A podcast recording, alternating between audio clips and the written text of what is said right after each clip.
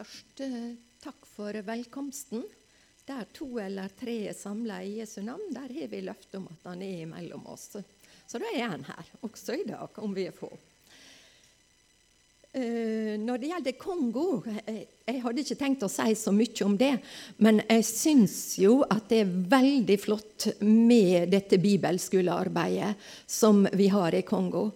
Og eh, det får ringvirkninger. Der er så mange som er reist ut fra Kongo og til så godt som alle nabolander rundt omkring, og som er vitner rundt omkring i hele Sentral-Afrika.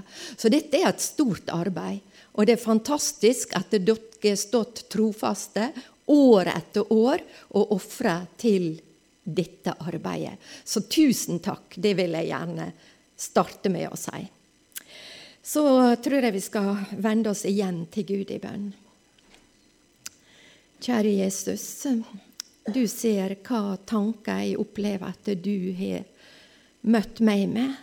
Og Jesus, jeg ber deg om at du skal hjelpe meg til å formidle deg på den måten som du ønsker.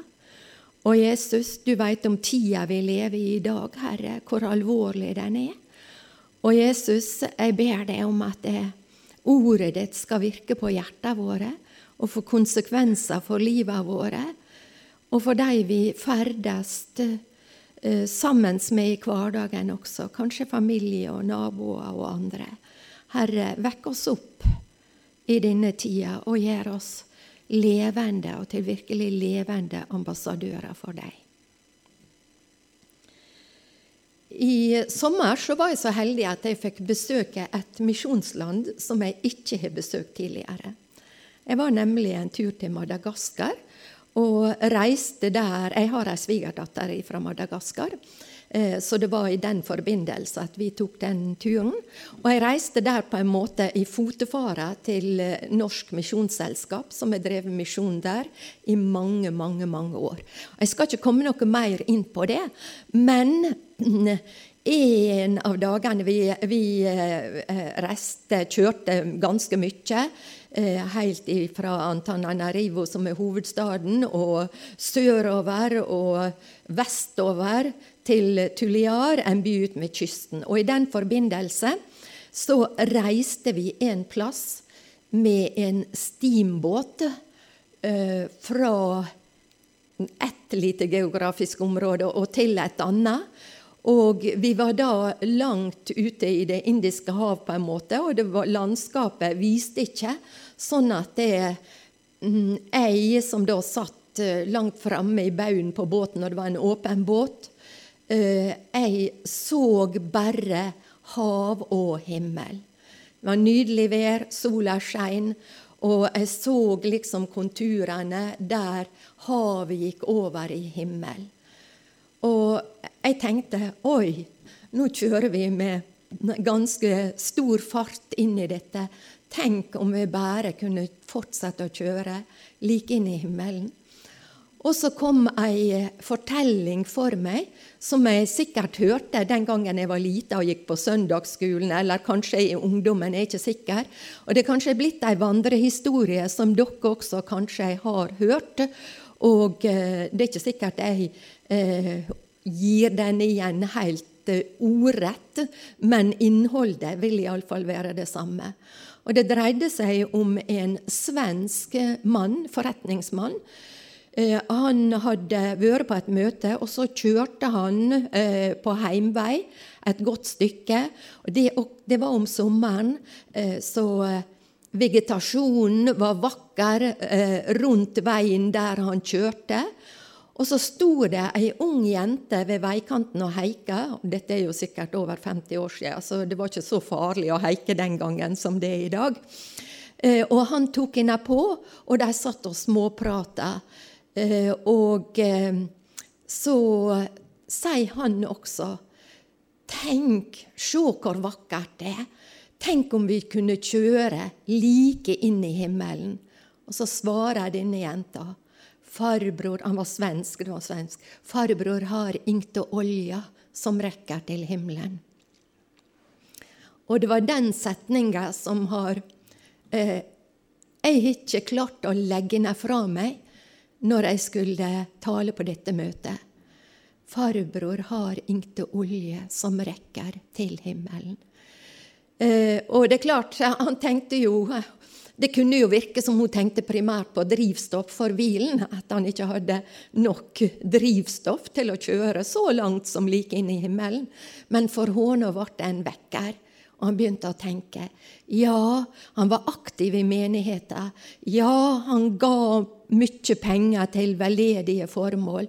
Han leste i Bibelen, og han gjorde det som han mente var rett i Guds øyne. Men hadde han gitt Den hellige ånd plass i livet sitt på en slik måte at han var sikra å komme hjem? Eh, han, eh, for henne så ble det en skikkelig oppvekker, og Gud møtte henne til fornyelse. Eh, og slik at han ble aktiv på en annen måte enn det han hadde vært. Mer opptatt av det åndelige i stedet for det timelige. Og så tenkte han at å, han måtte jo prøve å få tak i denne jenta og gi henne ei oppmuntring og fortelle henne om hvor oppmuntra han hadde blitt av dette. Så kjørte han tilbake der han hadde satt henne av. Men han fant henne ikke. Han spurte seg for i huset rundt der. Ingen hadde sett eller kjente ei jente som hadde den beskrivelsen som han ga, og den alderen omtrent. Så tenkte han, har Gud spandert et englebesøk på meg for å vekke meg opp? Ja.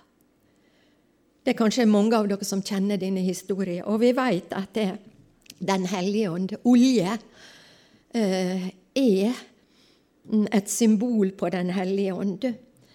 Eh, og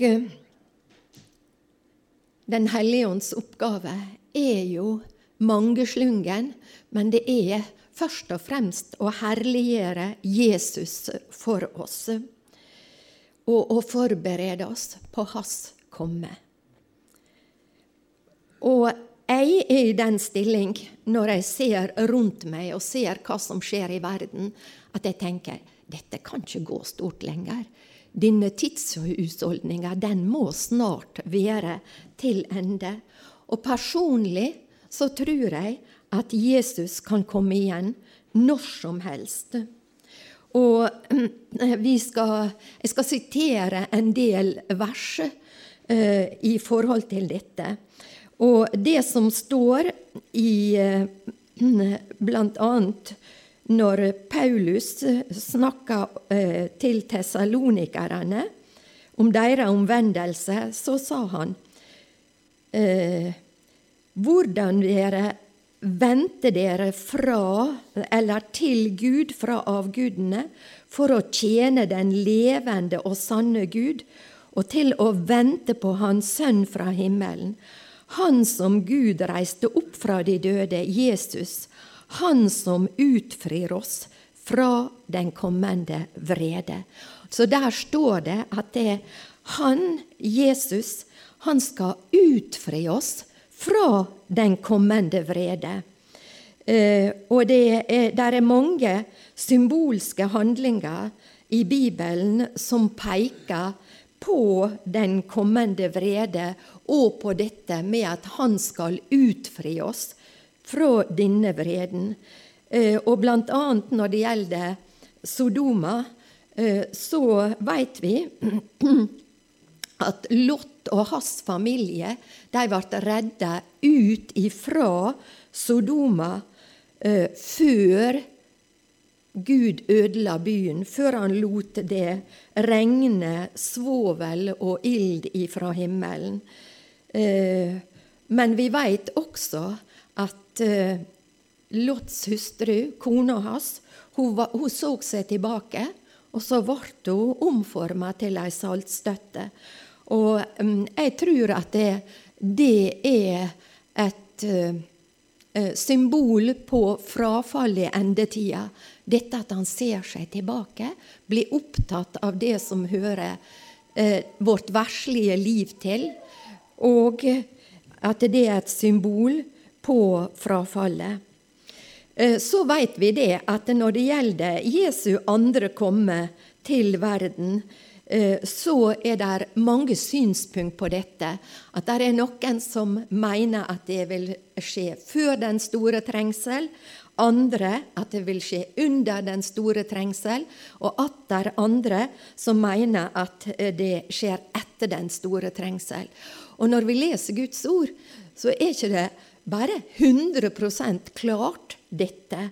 Eh, men personlig så tror jeg egentlig eh, at han vil komme før den store trengselen. Og denne historien om Lott den peker jo på dette, at han redder ut sine før det vonde og vanskelige og tøffe skjer. Og der er andre. Vi vet om Noah for eksempel, som bygde arken og gikk inn i arken før vannflommen kom. Og Enok som vandra med Herren og ble opprykt. Altså, der er mange eh, beretninger i Bibelen som jeg syns uh, taler for dette. Men Det skal ikke jeg komme noe inn på her, men jeg vil likevel klargjøre noen synspunkt som jeg har i den forbindelse, for videre å gå inn på det som egentlig er det som skal være hovedfokuset mitt her i dag. Og jeg tenker at det, når det gjelder Jesu andre komme, så har den to akter. Der er to akter. Den første, det er Jesu komme som frelser og brudgom i luftrommet for å hente oss.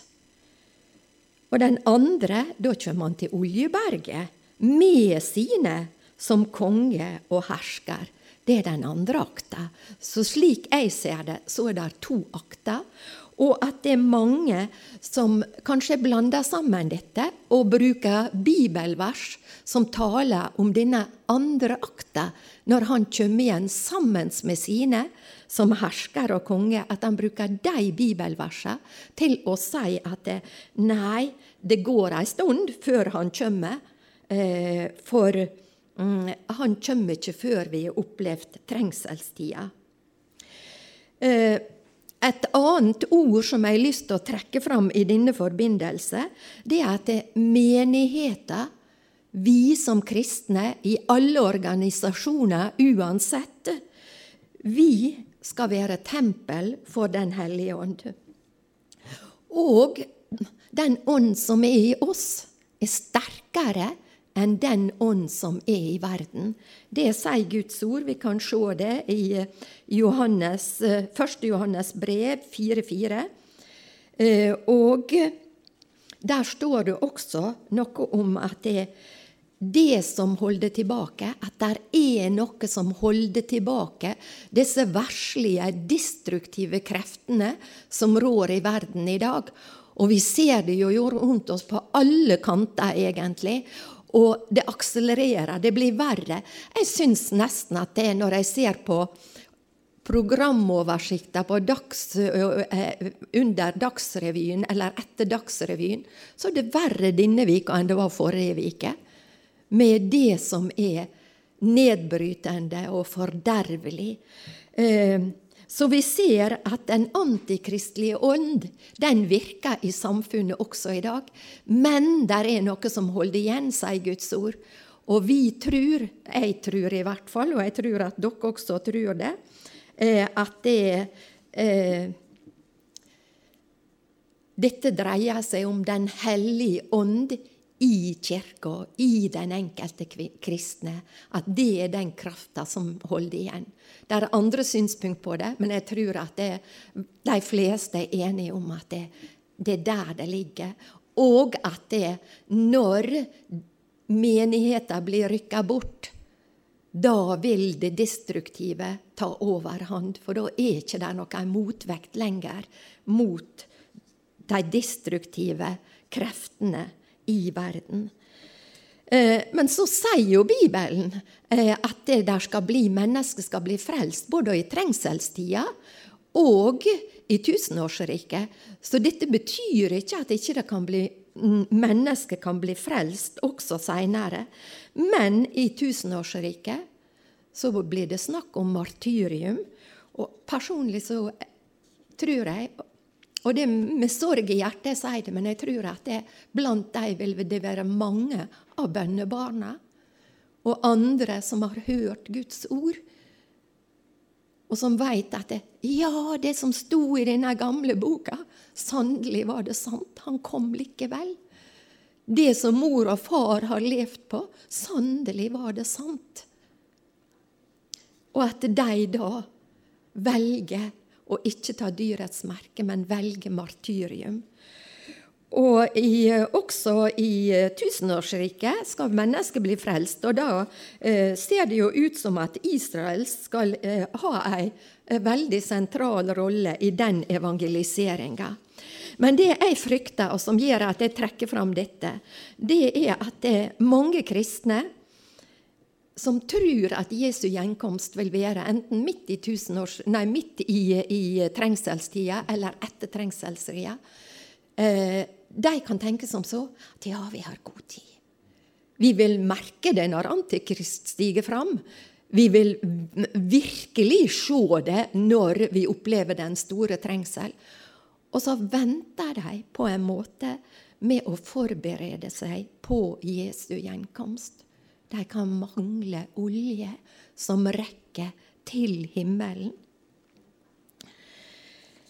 Um, Bibelen bruker mange symbol, egentlig, eh, i forhold til dette med eh, menigheter og Kristus. Men noe av symbolbruken dreier seg om brudgom og brud. Og det er det vi skal se på her i dag, det er det som skal være mitt hovedfokus i denne talen, tenker jeg. Og vi skal se på denne relasjonen mellom brudgom og brud. Eh, I Israel på Jesu tid, det har nok endra seg der som de fleste andre plasser i løpet av 2000 år, men på Jesu tid så var forlovelsesseremonien det første viktige skrittet i retning mot ekteskapet. Eh, og denne festen, det var en fest. Den fant sted i huset til bruda sin far. Og i løpet av festen så ble det skrevet ei kontrakt og ble, I denne kontrakten ble det redegjort for eh, det økonomiske ansvaret til brudgommen. Og ikke bare det økonomiske, men også det sosiale eh, ansvaret, eller forpliktelsene, som brudgommen skulle ha overfor bruda. Eh, det ble skrevet ei kontrakt. Og Brudgommen han ga også bruda ei gave. Han besegla denne kontrakta med å gi henne ei gave. Det trengte ikke nødvendigvis å være ei veldig stor gave, men ei gave som han håpte skulle glede henne, og skulle være noe som hun kunne fryde seg over, enten det var stort eller lite. Og jeg syns det er litt interessant å bruke dette som et bilde eh, på eh, bryllupet og forberedelsen til bryllupet i himmelen mellom Kristus som brudgom og menigheten, eller oss som brud. Så hvis vi trekker noen paralleller, så kan vi si at det forlovelsesfesten det kunne dreie seg om frelsen. Frelsen var som en fest, en forlovelsesfest, der vi var trolova med Kristus. Kontrakter kan sammenlignes med alle de løftene vi har i Bibelen.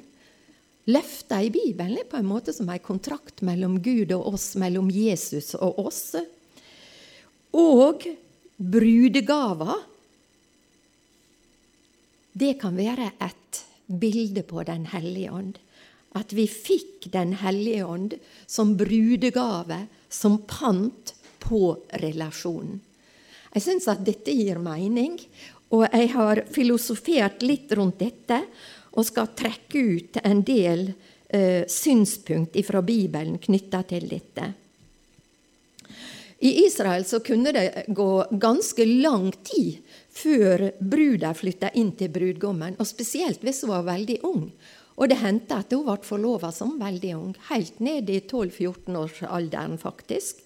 Og da var ventetida relativt lang, men uansett så skulle hun ha en god forberedelsestid på minimum tolv måneder på det, eh, på det tidspunkt. Og der hun kunne forberede utseendet sitt, klærne, smykker, hvordan hun skulle være som brud, og når hun skulle eh, flytte inn til Håna. Og i, samme tidspunkt så var brudgommen opptatt med å forberede boligen til paret og bryllupsfesten. De to tinga. Bolige og bryllupsfesten. Og eh, vi skal lese sammen fra Johannes 14, 1-4, der det står tydelig, kommer tydelig fram dette med at brudgommen vår han holder på å gjøre i stand bryllupsfesten og boligen for oss i det himmelske. Og vi kan lese da ifra eh, Johannes evangeliet, 14. kapittel, og fra det første verset. La ikke deres hjerte forferdes. Tro på Gud og tro på meg. I min fars hus er det mange rom. Hvis ikke ville jeg ha sagt dere det. Jeg går for å gjøre i stand et sted for dere. Og når jeg har gått bort og gjort i stand et sted for dere, skal jeg komme igjen og ta dere til meg. For der jeg er, der skal også dere være. Dere vet hvor jeg går, og dere kjenner veien. Og så vet vi at Thomas han, han sa at å nei, vi vet ikke hvor du går, og hvordan kan vi da vite veien? Og så svarer Jesus at jeg er veien sannheten og livet. Ingen kommer til Faderen uten ved meg. Men her får vi et tydelig bilde på at Jesus han er i ferd med å lage i stand en bryllupsfest og en bolig for oss som bruder. Jødiske bryllup pleide å finne sted om kvelden på det tidspunkt.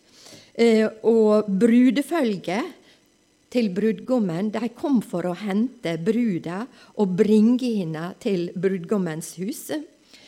Eh, og vi venter på vår brudgom, at han skal komme og hente oss. Og vi skal lese noen ord som beskriver det også. Og eh, I Israel så skjedde jo dette gjerne med et fint fakkeltog, og vi kjenner jo dette med lampene fra beretninga fra Matteus. Men vi skal se på Tessalonikerbrevet, det fjerde kapittel, og lese fra det 16. Eh, til og med det 18. verset, der det står For Herren selv skal med et rop, med en overengels røst og med Guds basun stige ned fra himmelen, og de døde i Kristus skal først oppstå. Deretter skal Han som lever og er igjen, bli rykket opp i skyene sammen med dem for å møte Herren i luften. Og så skal vi alltid være med ham. Derfor skal dere trøste hverandre med disse ord. Altså Her står det ikke at han skal komme ned på Oljeberget slik som det står at kongen og Herren skal gjøre i den andre delen av Jesu andre komme. Men her i den første så står det at han bare skal komme ned i luftrommet, og vi skal bli rykket i skyene for å møte hånda. Men det skal ikke være altså Det virker jo veldig dramatisk, men vi skal ikke være redde. Det er brudgommen. Han vil oss bare vel. Han ønsker å velsigne oss. Han ønsker å utgyte eller å gi oss margfulle og herlige retter. Han gjør i stand bryllupet for oss nå, og festsalen. Og jeg tror den er pynta på en slik måte som vi overhodet ikke kan forestille oss. Det driver han på med nå, men kanskje han snart er ferdig. Men én ting som også Bibelen påpeker når det gjelder dette, det er at det, ja, vi skal trøste hverandre, vi skal oppmuntre hverandre med disse ord, men det vil skje plutselig. i et nu, i en time vi ikke tenker. Og han ber oss om å våke og vente hver eneste stund. Jeg tror altså det er mange av de gamle predikantene som sa at han kan komme når som helst. Han kan komme i dag. Personlig så tror jeg at det, vi er kommet så langt i tidshusholdninga at han kan komme når som helst. Eh, I det følgende nå så tenker jeg at vi skal se litt på først brudgommens kjærlighet til oss som brud. Og så på denne kontrakta, altså Bibelens mange løfter til oss. Og så på brudegava, altså pantet eller Den hellige ånd. Og så, ikke minst, på brudet sine forberedelser ved hjelp av Den hellige ånd. For hadde ikke vi fått denne gava, dette pantet, denne hjelperen, så hadde ikke vi hatt muligheter Altså, Da hadde det blitt slik som en båt eller en bil uten olje. Den ville ikke kunne rekke til himmelen. Men det er den oljen, Den hellige ånd, som kan hjelpe oss til dette. Og det er klart at når jeg skal ta for meg fire sånne store områder, så kan jeg ikke si veldig mye om det enkelte. Det må bli overfladisk. Men dere kan studere sjøl seinere. Men jeg syns jo begynne med brudgommens kjærlighet. Den er jo bare helt fantastisk. Eh, og vi skal glede oss over den. Vi skal fryde oss over den. Og Paulus i Efeserbrevet, eh, det femte kapittelet og det 25. verset, da, si, da vil han si noe der eh, til efeserne om hvordan de skal elsker konene sine, og hvordan de skal opptrå overfor konene sine. Og da sier han, dere ektemenn, elsk deres koner slik som Kristus elsket menigheten og ga seg selv for den, for at han skulle hellige den idet han renset den ved vannbadet i ordet, for at han kunne føre dem framfor seg selv som en herlig menighet, som ikke ikke har flekk eller rynke eller noe slikt, men at den skulle være hellig og uten feil.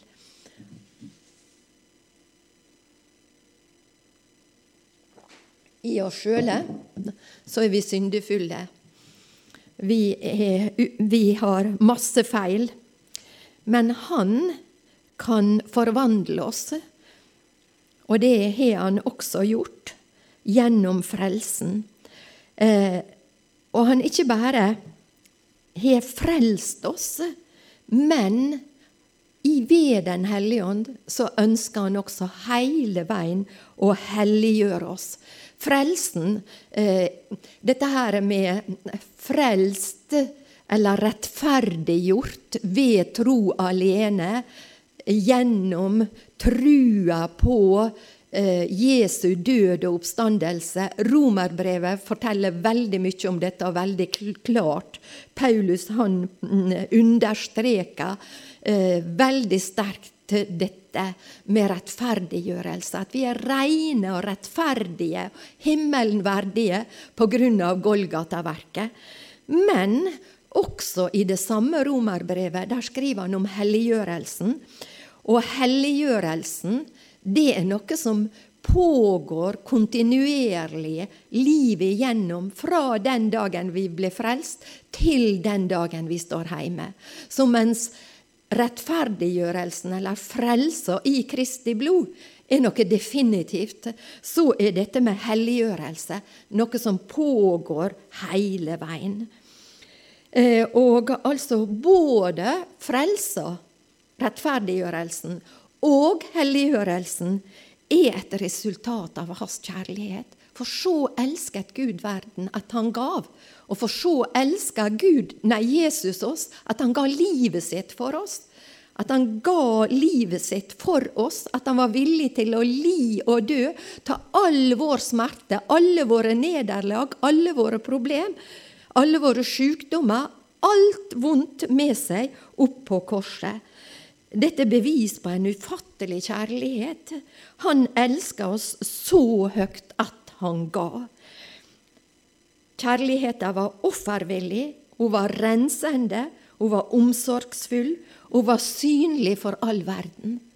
Mennesket så det, det var noen som beskrev det. Mennesket kan lese om det til alle tider, og det har vi gjort også. Jeg har lyst til å sitere et par sangvers som jeg syns beskriver Guds kjærlighet og Jesu kjærlighet på en så fantastisk måte. Guds kjærlighet er langt, langt større enn penn og tunge tolke kan. Den når høyt over himmelens stjerner og ned i dødens mørke land. Så dypt vi falt den sonet alt da Jesus døden led. Sitt fangne barn i syndens garn. Gud frelste og ga fred. Og et annet vers. Om alle hav med blekk var fylte, var himmelens hvelv av pergament. Og var en penn hvert strå på jorden, hver mann med skrivekunsten kjent, og skildre rett Guds kjærlighet vil tømme alle hav og himmelens hvelv. Fra bryn til bryn ei plass til Skriften gav. Jeg syns at det, disse beskriver brudgommens og Guds og Jesu kjærlighet til oss så fantastisk. Og så var han villig til å skrive ei kontrakt. Og Veldig mye kunne være skrevet om den kontrakten, for vi ble jo enige om at det, det her dreier seg om alle løfter i Bibelen. Og Skulle jeg trekke dem fram, da ble det ikke en liten bibeltime, men en liten tale. Da måtte vi holde på. Ikke ei uke, og ikke en måned, men kanskje år. Eh, men jeg skal bare trekke fram bitte lite grann. Eh, angående hans store og fantastiske løfte. Og når han ga misjonsbefalinga, så avslutta han den med å si Og se, jeg er med dere alle dager inntil verdens ende, eller til denne tidshusholdningsende. Se, jeg er med dere alle dager. Alle dager, alle slags dager, gode dager, vonde dager, prøvsomme dager. Dager med sol, dager med regn, dager med storm. Uansett så har vi løftet om at han skal være med. Og han er lovt å hjelpe oss og styrke oss og lede oss. Og mye av dette er knytta til hans løfte om at han skulle gi oss en talsmann, Den hellige ånd. Og eh, da skal vi gå til disse løftene om Den hellige ånd. Og hel, Den hellige ånd beskrev jo vi som denne brudegava. Eh, og vi skal lese der fra Johannes 14. kapittel eh, og det 26. verset, tenker jeg vi skal lese nå, ja. Men talsmannen, Den hellige ånd, som Faderen vil sende i mitt navn, han skal lære dere alle ting og minne dere om alt det jeg har sagt dere. Og så sier han etterpå, da, fred etterlater jeg dere, min fred gir jeg dere. Ikke som verden gir, gir jeg dere. La ikke deres hjerter forferdes, og la det heller ikke, og la det heller ikke gripes av frykt. Altså, han ville sende oss en hjelper. Det var et løfte som Jesus ga Samtidig så var Den hellige ånd, eller er Den hellige ånd, denne her brudegave. Og blar vi om i det 16. kapittelet der, så står det mer om denne talsmannen. Og vi kan jo sitere litt til også, men fra det 13. verset der, 16-13. Men når Han, sannhetens ånd, kommer, skal Han veilede dere til hele sannheten. Og så står det videre, og han skal forkynne dere de ting som skal komme. Han skal herliggjøre meg. Og blar vi enda om, så står det enda mer. Og vi, vi veit at eh, Den hellige ånd eh, har en veldig stor innflytelse på livet våre, og at det er meninga at han skal ha en stor innflytelse på livet våre. Og så kan vi spørre oss sjøl denne brudegava, denne, dette pantet, Den hellige ånd, hvor opptatt er vi med den? Altså, det var meninga at bruda eh, skulle se på den gava som brudgommen hadde gitt henne, og glede seg over den, være opptatt med den. Og vi kan spørre oss eh, lar, hellige, lar, vi Den hellige ånd få hjelpe oss i hverdagslivet våre i den utstrekning vi egentlig bør? Eller er, er dette bare noe abstrakt for oss, eller hvordan er det? For det første så er det bare Den hellige ånd som skal, kan skape kjærlighet i våre liv. Det er bare Den hellige ånd kan som, få oss til å elske igjen. Vi elsker fordi eh, Jesus elsker oss først. Det er Den hellige ånd som kan hjelpe oss til å elske guddommen, elske Gud, elske Jesus. men også det å elske våre medmennesker. Og det er bare Den hellige ånd som kan skape frukt i livet våre, åndelig frukt i livet våre. Og Jeg har lyst der å sitere bare fra Galaterne, femte kapittel, og det 22. og 23. verset, der det står Åndens frukt er kjærlighet, glede, fred, langmodighet, vennlighet, godhet, trofasthet, saktmodighet, selvtukt. Noen av disse siste ordene har litt forskjellige oversettelser i ulike utgaver av Bibelen, fordi de kan tolkes fordi de har flere eh, betydninger eh, på gresk og eh, eh og Derfor så eh, er det kanskje duble betydninger i en del av disse ordene. Eh, Den hellige ånd kan virkelig også forvandle våre hjerter, forvandle menneskesinnet, slik at vi får mer av Jesus sinnelag, slik at vi utvikler en åndelig karakter. Og det er kjempeviktig i den tida vi lever i i dag. Og eh, jeg veit at det er per Ola Godø, som har talt her mange ganger, eh, han har talt mange ganger om Den hellige ånd og om Den hellige ånds verk i livet våre. Og han sier igjen og igjen søk med iver, søk med iver. Og at vi må være villige til å la Den hellige ånd jobbe med oss. Dette med kjærlighet, å elske brudgommen og lengte etter hans komme hvordan er det med oss?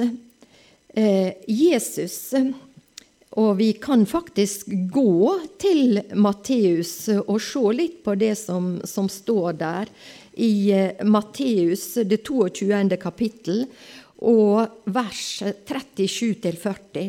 Eh, der ble Jesus spurt om hva som var det største budet, og da svarte han du skal elske Herren din Gud av hele ditt hjerte og av hele din sjel og av all din forstand.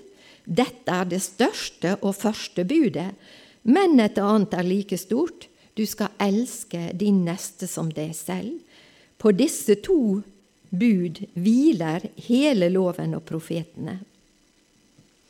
Og Vi kan sitere noen andre vers som også utfordrer oss i forhold til dette med kjærlighet. I 1. Johannes 4,16 der står det at Gud er kjærlighet. Og den som blir i kjærlighet, blir i Gud, og Gud i Han. Og i 1. Johannes 2,10 står det at den som elsker sin bror, blir i lyset, og det er ikke noe mørke i han. Og det er ikke noe i ham som fører til fall, står der også. Ikke noe i han som fører til fall. Og det er så mange, mange bibelvers som vi kunne ha trukket fram, som beskriver utfordringene våre knytta til dette med kjærlighet. Men vi kan ikke skape den sjøl. Det er bare Den hellige ånd som skaper denne kjærligheten i oss. Og det er så viktig at vi blir grepne av Gud. Og for at vi skal bli grepne av Gud, så eh, må vi la ham få lov til å komme inn i livet våre. Vi elsker fordi han elsker oss først. Vi lærer å tilgi fordi vi i Bibelen, gjennom å lese Hans ord, ser at, at dette med tilgivelse er noe som er viktig. Vi lærer håne å kjenne ved å ha fortrolig samfunn gjennom vår bibellesning, gjennom bønn, gjennom samvær med de hellige og gjennom brødsbrytelse, som vi har hatt fokus på mange, mange ganger. Eh, og dette med å ha samfunn med Gud altså Det dreier seg egentlig ikke primært om å utrette noe, om å utrette gode gjerninger, eller å leve moralsk, sjøl om det også er kjempeviktig. Eh, men det kan også Vi så jo at fariseerne var veldig opptatt av å leve, eh, leve rett for Gud. Sånn at det en, Dette kan også bli trelldom og religion, men det å ha samfunn med Håna, ha fortrulig samfunn med Gud, søke eh, inn til Håna. Og eh, i Bibelen så står det, blir vi utfordra gjentatte ganger om å søke Hans ansikt, søke Guds ansikt. Og, og, det å søke Guds ansikt, det har med nærhet å gjøre. Det er et symbol på nærhet. Eh, søke Hans ansikt, søke Hans nærhet. Se, eh, se hånda i ordet, men vi kan også se henne i naturen. Og når vi ser henne i naturen, at vi da blir, lar oss begeistre. Og når vi ser henne i det verk han gjør blant andre mennesker, frelste Altså, det, det, er jo litt derfor vi lar oss begeistre når vi ser på eh, mennesker på evangeliesenteret. Mennesker som er leie i rennesteinen, og som Jesus har vekt opp. Han gjør noe fantastisk i mennesker. Han omskaper dem. Og det i seg sjøl store under. Frelsen er det største under. Men denne forvandlinga det er også et, et fantastisk under. Vi ser det i forvandlinga som skjer med disse menneskene. Og vi ser det i ordet, som jeg sa, og vi ser det i naturen. Og eh, jeg har lyst til å sitere eh, Salme 8 det tredje verset, eh, der kong David han lar seg begeistre. Han sier, 'Når jeg ser din himmel, et verk av dine fingre', månen og stjernen som du har satt der. Og så blir han så begeistra. Han lar seg begeistre, og det fører han inn i takksigelse, inn i lovprisning og inn i tilbedelse. Og det er der vi skal være. Ordet den, gjennom Den hellige ånd skal ordet begeistre oss, slik at vi kommer inn i takksigelse, tilbedelse, lovprisning. Og vi, vi ser henne når det gjelder eh, mikrokosmos, på en måte, det mikroskopiske. Altså eh, helsepersonell. Vi ser henne. Kroppen, hvor fantastisk han er sammensatt ned til den minste eh, bestanddel. Og som som David her så stjernene, stjernehimmelen, galakse på galakse, som er slik at vi svimler når vi leser om det, når det gjelder det makroskopiske, det store. Men vi skal la oss begeistre, og det er Den hellige ånd som kan skape denne begeistringa hos oss. Og vi er så lett for å tenke at det er kjærlighet. Mm, eh, noe søtsuppe på en måte, fordi at verden har dratt begrepene ned i søla i mange sammenheng. Men agapekjærlighet er noe fantastisk. Den er uselvisk. Det er noe fantastisk. Og Gud ønsker å oppleve det fra vår side. Noe som er helt umulig hvis ikke Den hellige ånd gjør et verk i våre indre. Bruda hun vil som regel også være opptatt av utseendet sitt. Vi har vel alle vært i bryllup, og det kan jo være veldig forskjellig også i våre dager, for her er jo bruder som lar seg vie høyt til fjells og vel til og med under vann og jeg veit ikke hva, for å være litt originale. Eh, men vanligvis så er de fleste bruder opptatt av utseendet sitt. Eh, det å være, være vakre, det å ha en nydelig brudekjole. Og mange ganger når ei brud kommer innover kirkegulvet, så lar vi oss, så blir vi betatt, og vi tenker 'Å, så vakker'. Er hun virkelig så vakker som dette? Eh, hvor hun har stasa seg opp, og eh, hvor vakker hun er. Eh, kanskje uttrykk i ansiktet over glede også over brudgommen. Der mange, kan være mange fasetter i bildet. Og i Israel i gammel tid så skulle bruda hun skulle bli bada, hun skulle bli salva med velluktende olje, og hun skulle bli iført sin fineste stas. Vakre klær eh, som var laga spesielt eh, for den anledninga. Eh, å være pent eh, kledd var også et eh, tegn på ære og et tegn på makt. Og bekledning Bibelen skriver veldig mye om bekledning, og vi kan ta for oss bare bitte liten grann. Eh, men i sendebrevet, i åpenbaringsboka, eh, så er det med bekledning trukket fram i eh, forhold til menigheten i Sardes, som ble refsa ganske hardt, og også i forhold til menigheten i Laudikea, som ble enda sterkere refsa for å være likegyldig. Og når det gjelder menigheten i Sardes, så står det at det, den som seirer, han skal bli kledt i hvite klær, og jeg skal ikke stryke navnet hans ut av livets bok. Og når det gjelder menigheten i Laudikea, så ble de rådde til å kjøpe hvite klær. Eh, og ordet sier da 'kjøp hvite klær', så du kan være påkledd, så din nakenhetsskam ikke skal bli avslørt. Det var ei skam i antikken å være naken, og det var ei skam også å være fillete. Så det å ha skikkelige klær, det var noe som eh, virkelig betydde mye. Men også symbolsk sett så var dette viktig. Eh, men før vi sier mer om det, så skal vi lese også i åpenbaringsboka, det 19. kapittel og det 7. og 8. verset, der det står La oss være glade og fryde oss og gi ham ære, for lammets bryllup er kommet, og hans brud har gjort seg rede. Det ble gitt henne å pynte seg i fint lin, rent, og skinnende, for det fine linet er de helliges rettferdige gjerninger.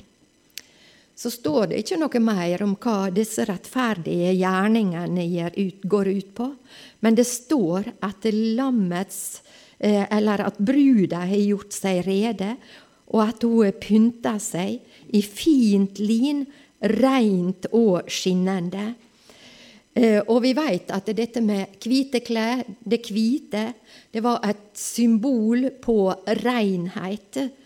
Men det kunne også være et symbol på fest, og det kunne være symbol på seier. Eh, å være kledd i hvite klær er her uansett et uttrykk for skjønnhet i liv og skjønnhet i karakter som det bare Kristus gjennom Den hellige ånd som kan gi den enkelte av oss. Det er bare Han som kan skape det. Det er bare Han som kan føre til at vi kan bli kledd i hvitt, i det reine. Og Den hellige ånd kan også eh, gjøre oss som bruda skinnende, så skinnende at det omgivelsene våre ser det. Vi får det ikke til i oss sjøle, men Han kan føre til det og, og skape det for oss i oss. Eh, og i lignelsen i Matteus 13, 43, der det står eh, mye om uh, såmannen blant annet, og det er Jesus sjøl som beretter det. Og jeg skal bare sitere ei setning der det står da skal de rettferdige stråle som solen i sin fars rike. Eh, slik skal vi kunne være, ikke pga. oss sjøle, men pga. Jesus. At vi skal kunne stråle som sola i hans rike etter han har henta oss hjem. Men vi skal begynne å stråle her på jorda, eh, lite bitte grann. Eh, og jeg tror at det, til mindre oppmerksom vi er på det sjøle, til bedre kan vi egentlig stråle. At det er når vi føler oss uverdige og små, kanskje at vi stråler mest. Men eh, i Johannes det sjuende kapittel og vers 38 der står det at det, den som tror på meg, som Skriftene har sagt, ut ifra hans indre skal det flyte strømmer av levende vann. Eh, og dette skrev han da om Den hellige ånd som skulle bo i dem. At det skulle flyte strømmer av levende vann. Eh, det er i samme gate som det å stråle, som det å skinne, som det å lyse. Men som vi har sett andre plasser i, i, Bibelen, så har vi dette. Har vi denne veldige skatten i leirkar. Altså kroppen vår. Den er både forfengelig, og den er mange slagsider. Men det er Den hellige ånd som gjør det.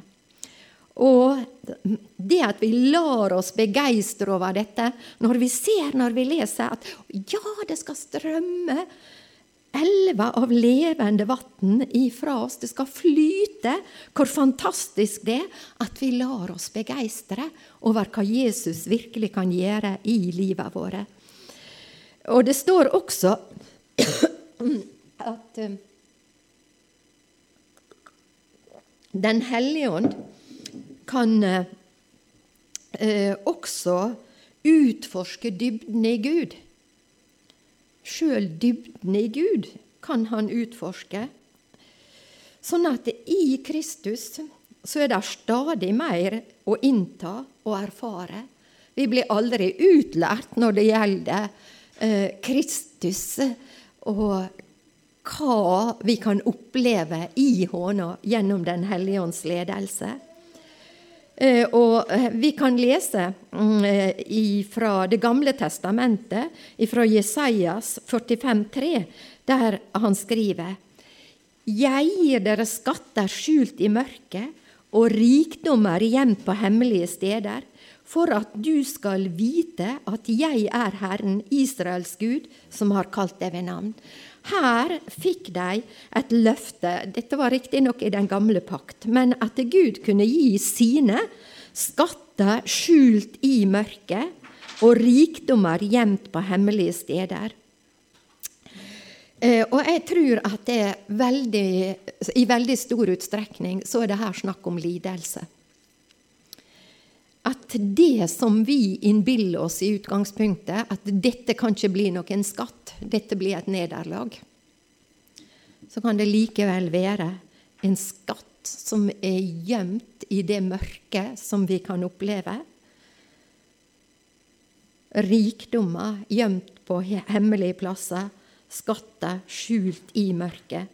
Og Jeg har holdt på å lese Jobbs bok nå, og jeg må si at jeg, jeg lar meg fascinere av Jobb. Eh, og Gud var begeistra for henne, og det ser vi allerede på det første bladet at det, når Gud snakker med Satan, så sier han at ja, ja, er det noe rart at han er begeistra for deg, du som er velsignende og så fantastisk? Eh, men la meg få styre med nå en stund og få plukke fra han noe, så skal du se om ikke han da eh, banner deg rett opp i fjeset, eller iallfall trekker seg unna deg. Likevel, midt i det at han mista alt, hus og heim og eh, barn og til og med helsa si, og satt der. Likevel så sa han, jeg, jeg vet at min gjenløser lever og som den siste skal han stå fram på støvet. Og jeg tenkte når jeg drev og leste dette eh, Vennene de kom, og de snakka jo nedsettende eh, og mente at det, dette får du fordi at det du ikke har levd skikkelig. Og Gud errettesatte de til syvende og sist på slutten av Jobbs bok. Men jeg tenkte dette at Gud, nei, Jobb sto med Gud uansett lidelsene og problemene sine. Eh, så han hadde utvikla, eller akkumulert, kan vi si, en tillit til Gud gjennom sitt tidligere liv. Sånn at han på, på en måte hadde som en slags ressursbank av tillit når prøvelsene kom. Så han, han visste nei, Gud henne kan jeg stole på uansett. Som, det var som en bank i hans indre som han hadde. Og jeg syns det er veldig eh, rørende å lese hans vitnesbyrd. Og jeg syns det er veldig interessant å lese vitnesbyrdet, eller å høre vitnesbyrdet til mennesker som har opplevd sorg, nederlag, problem, men som kan likevel si at det, Gud er med. Gud er med. Og det var jo det disse her eh, eh, eh Daniel og eh, kameratene hans sa at konge, om så er at vår Gud ikke frir oss ut ifra ildovnen, så vil ikke vi tilbe deg allikevel. Vi vil stole på Gud uansett hva vi opplever. Samme hva, så vil vi eh, ta vår tillit og tilflukt til deg, Herre. Et siste punkt som jeg skal berøre angående hva Den hellige ånd eh, kan utrette i bruda sine liv, og som det er viktig at vi eh, lar skje. Eh, og det er at hun skal være rede til oppbrudd. Vi siterte noen vers innledningsvis der det, det sto at det, ja, han kan komme eh, veldig, veldig fort i et nu, eh, i et øyeblikk vi ikke forventer. Sånn at Den hellige ånd skal gjøre oss eh, rede til oppbrudd. At vi ikke, og jeg tenker, Er det noe som karakteriserer mennesket i dag, så er det travelhet. Vi fyker rundt alle plasser og er så opptatt med alt og alle ting. Og vi kan spørre oss er vi opptatt med de himmelske tinga enn er vi opptatt med de andre tinga. Og jeg tenker at det, ja eh, altså Vi kan sitere fra Lukas 17, 32, der det står Kom Lots hustru i hu, eller i den oversettelsen som jeg har brukt. Husk Lots kone. Husk på kona til, til Lot. Hun var redda ut av Sodoma. Altså Vi kan si hun var frelst.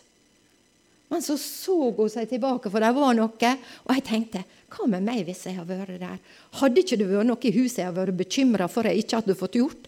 Hadde ikke tenkt at jeg måtte springe tilbake og få utretta ditt eller datt? Jeg veit sannelig ikke. Og kan hende vi kjenner oss igjen. Vi må være rede til oppbrudd. Og jeg tenker at det, dette med Lots hustru, at som jeg sa tidligere i dag, at hun er et symbol på frafallet i den siste tid. At vi blir så opptatt med dette jordiske, dette materielle. Vi styrer og stuller, og det får mer plass i livet våre. Mer tid. Vi blir mer opptatt med alle disse tingene enn med det himmelske. Og jeg tenker å, hvor vi trenger å hjelpe hverandre. Å, hvor vi trenger å be for hverandre og minne hverandre på disse tingene. Og ikke minst også å tenke på den oppvoksende slekt. Be for den oppvoksende slekt at det, Gud skal sette en ildmur rundt dem. Eh, at blodet skal beskytte dem. At det, Gud skal ta seg av dem, sende engler til dem. Og at vi skal, eh, vi skal være opptatt med disse tingene. Personlig så tror jeg at bryllupsbordet er omtrent ferdig. Og jeg har lyst til å avslutte med koret på en sang. Dere kjenner den kanskje godt. I de sene aftenstunder står han speidende mot jord, mens hans tjener legger siste hånd på himmelens bryllupsbord. På et vink ifra sin far han henter brudeskaren hjem. Si, min venn, skal du da være iblant dem?